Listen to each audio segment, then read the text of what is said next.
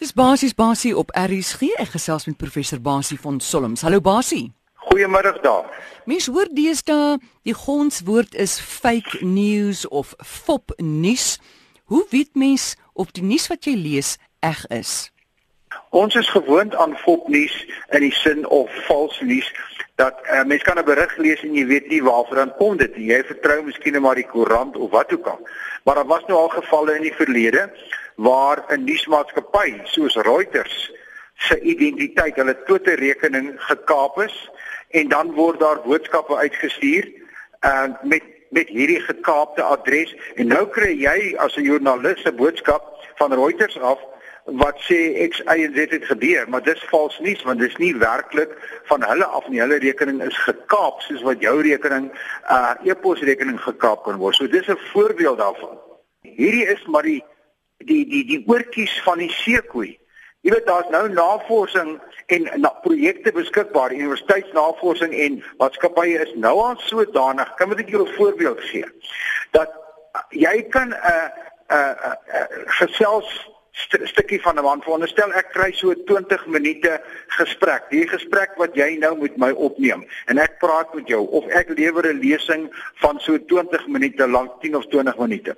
Dan is die rekenaarstelsel nou al so gesofistikeerd dat ek voor die rekenaar kan gaan sit en nou tik ek woorde in en daai woorde word nou in my stem teruggespeel. So ek kan nou 'n boodskap intik op my rekenaar ek, ek is nou die die iemand wat heeltemal onafhanklik is. Ek sit voor my rekenaar. Ek luister na jou stem. Ek tik op my rekenaar nou 'n sin in en daai sin word teruggespeel in my stem. Dink net wat die implikasies is en ek dink jy dit dalk ge, uh, gesnap.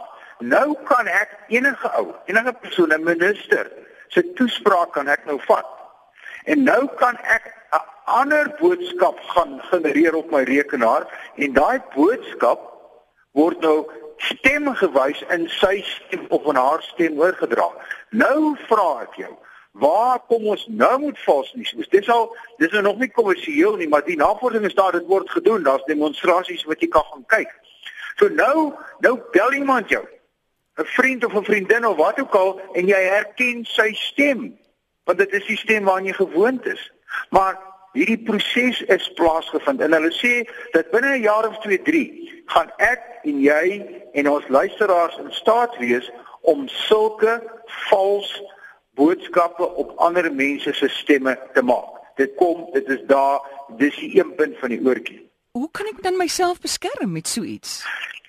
Wat ek vir jou bewys en en, en daar's nou videoetjies beskikbaar daarvan waar jy na 'n video van 'n persoon kan kyk, 'n ou wat 'n toespraak maak en hy hulle dit moet moet Putin het die het die demonstrasie gewerk. Mm. Dan kyk jy na die ou se video klip. Dan sit jy voor jou rekenaar en soos wat daai video insetsel speel, verander jy sy gesigsuitdrukking, jy verander sy monduitdrukking ensovoorts. Met ander woorde, dit wat hy op die oomblik daar op daai video stemmetjie sê of op daai video insetsel sê, beheer jy. Jy kan daai ou se gesig laat maak soos jy wil, jy kan sy oë toemaak, jy kan sy stem en nou kan jy byvoorbeeld sy mond oorklank dat hy ander sy mond ander grepe het. En nou speel jy hierdie stem ding terug.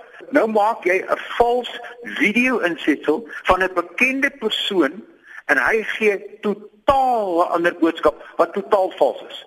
Die vraag wat jy nou gevra het is, hoekom ek gesê het ons sien die oortjies nou. Oor hulle beweer teen 2020 gaan ons in 'n posisie wees waar jy nie meer kan onderskei tussen die regte ou wat dit gesê het of 'n nagemaakte ou, jy gaan geen manier kan onderskei nie.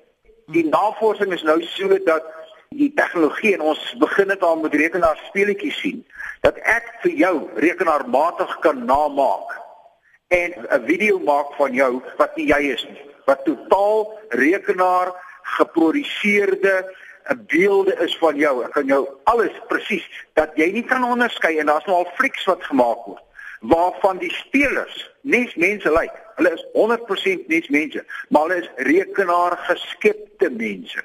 So waar gaan ons heen? Ek het nie 'n antwoord nie. Die vraag is, jy sê kan 'n mens dit nie herken nie? Ja, jy kan as jy nou dit vermoed.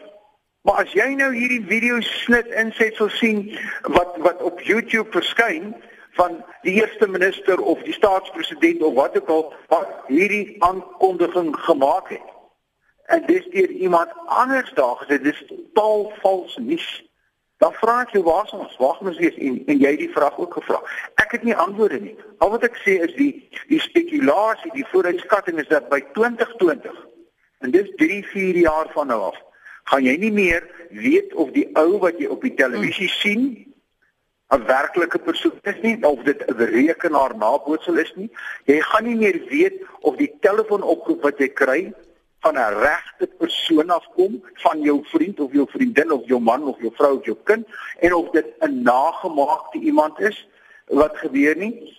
Ons gaan nou en ek voorsien op op die vlak dat as ek in daai tyd 'n telefoonoproep kry, gaan ek nou eers vir jou moet identifiseer al herken ek jou stem. Hmm wil ek eers sê hoorie wat is die geheime wagwoord wat ek en jy ooreengekom het want ek weet nie of ek weet nie of ek met jou praat nie ons is op pad daarheen goed basie stop gou hier om terug te kom na die Fop nuus toe. Is daar nie 'n webtuiste of 'n sekere plek waarheen jy kan gaan om te toets of hierdie nuus reg is of nie? Hoe weet jy die webwerf wat jy nou kontroleer of dit die regte nuus is? Is eg. Is 'n is 'n regte webwerf. Jy sien, ons begin in kringe hardloop en ek sê jy het eers in die begin gesê het, my my nek haar kriebel as ek hier aan dink, maar dit is nie asof dit wetenskapsfunksie is nie. Dit word gedoen. Ek kan vir jou die video's wys. Hmm. Ek ek sal op ons kubersekuriteit se hmm. webwerf uh, www.cybersecurity.org.za gaan ek hierdie artikel plaas waar jy kan die video kan gaan kyk hoe beheer die persoon Putin wat praat. Hulle wys aan die een kant wat sê hy regtig, hoe lyk sy gesig? Dan wys hulle hoe lyk die ou wat voor die rekenaar sit, hoe verander hy sy gesigsindrukking en dan wys hulle vir jou hoe Putin wat daar praat en hulle het met Trump ook gedoen en verskeie ander ouens, hoe die ou se gesig dan nou verander soos die ou wat voor die rekenaar sê ek gaan dit opsit gaan kyk gerus daar. Dis nie wetenskapsfiksie nie ons is op pad so toe.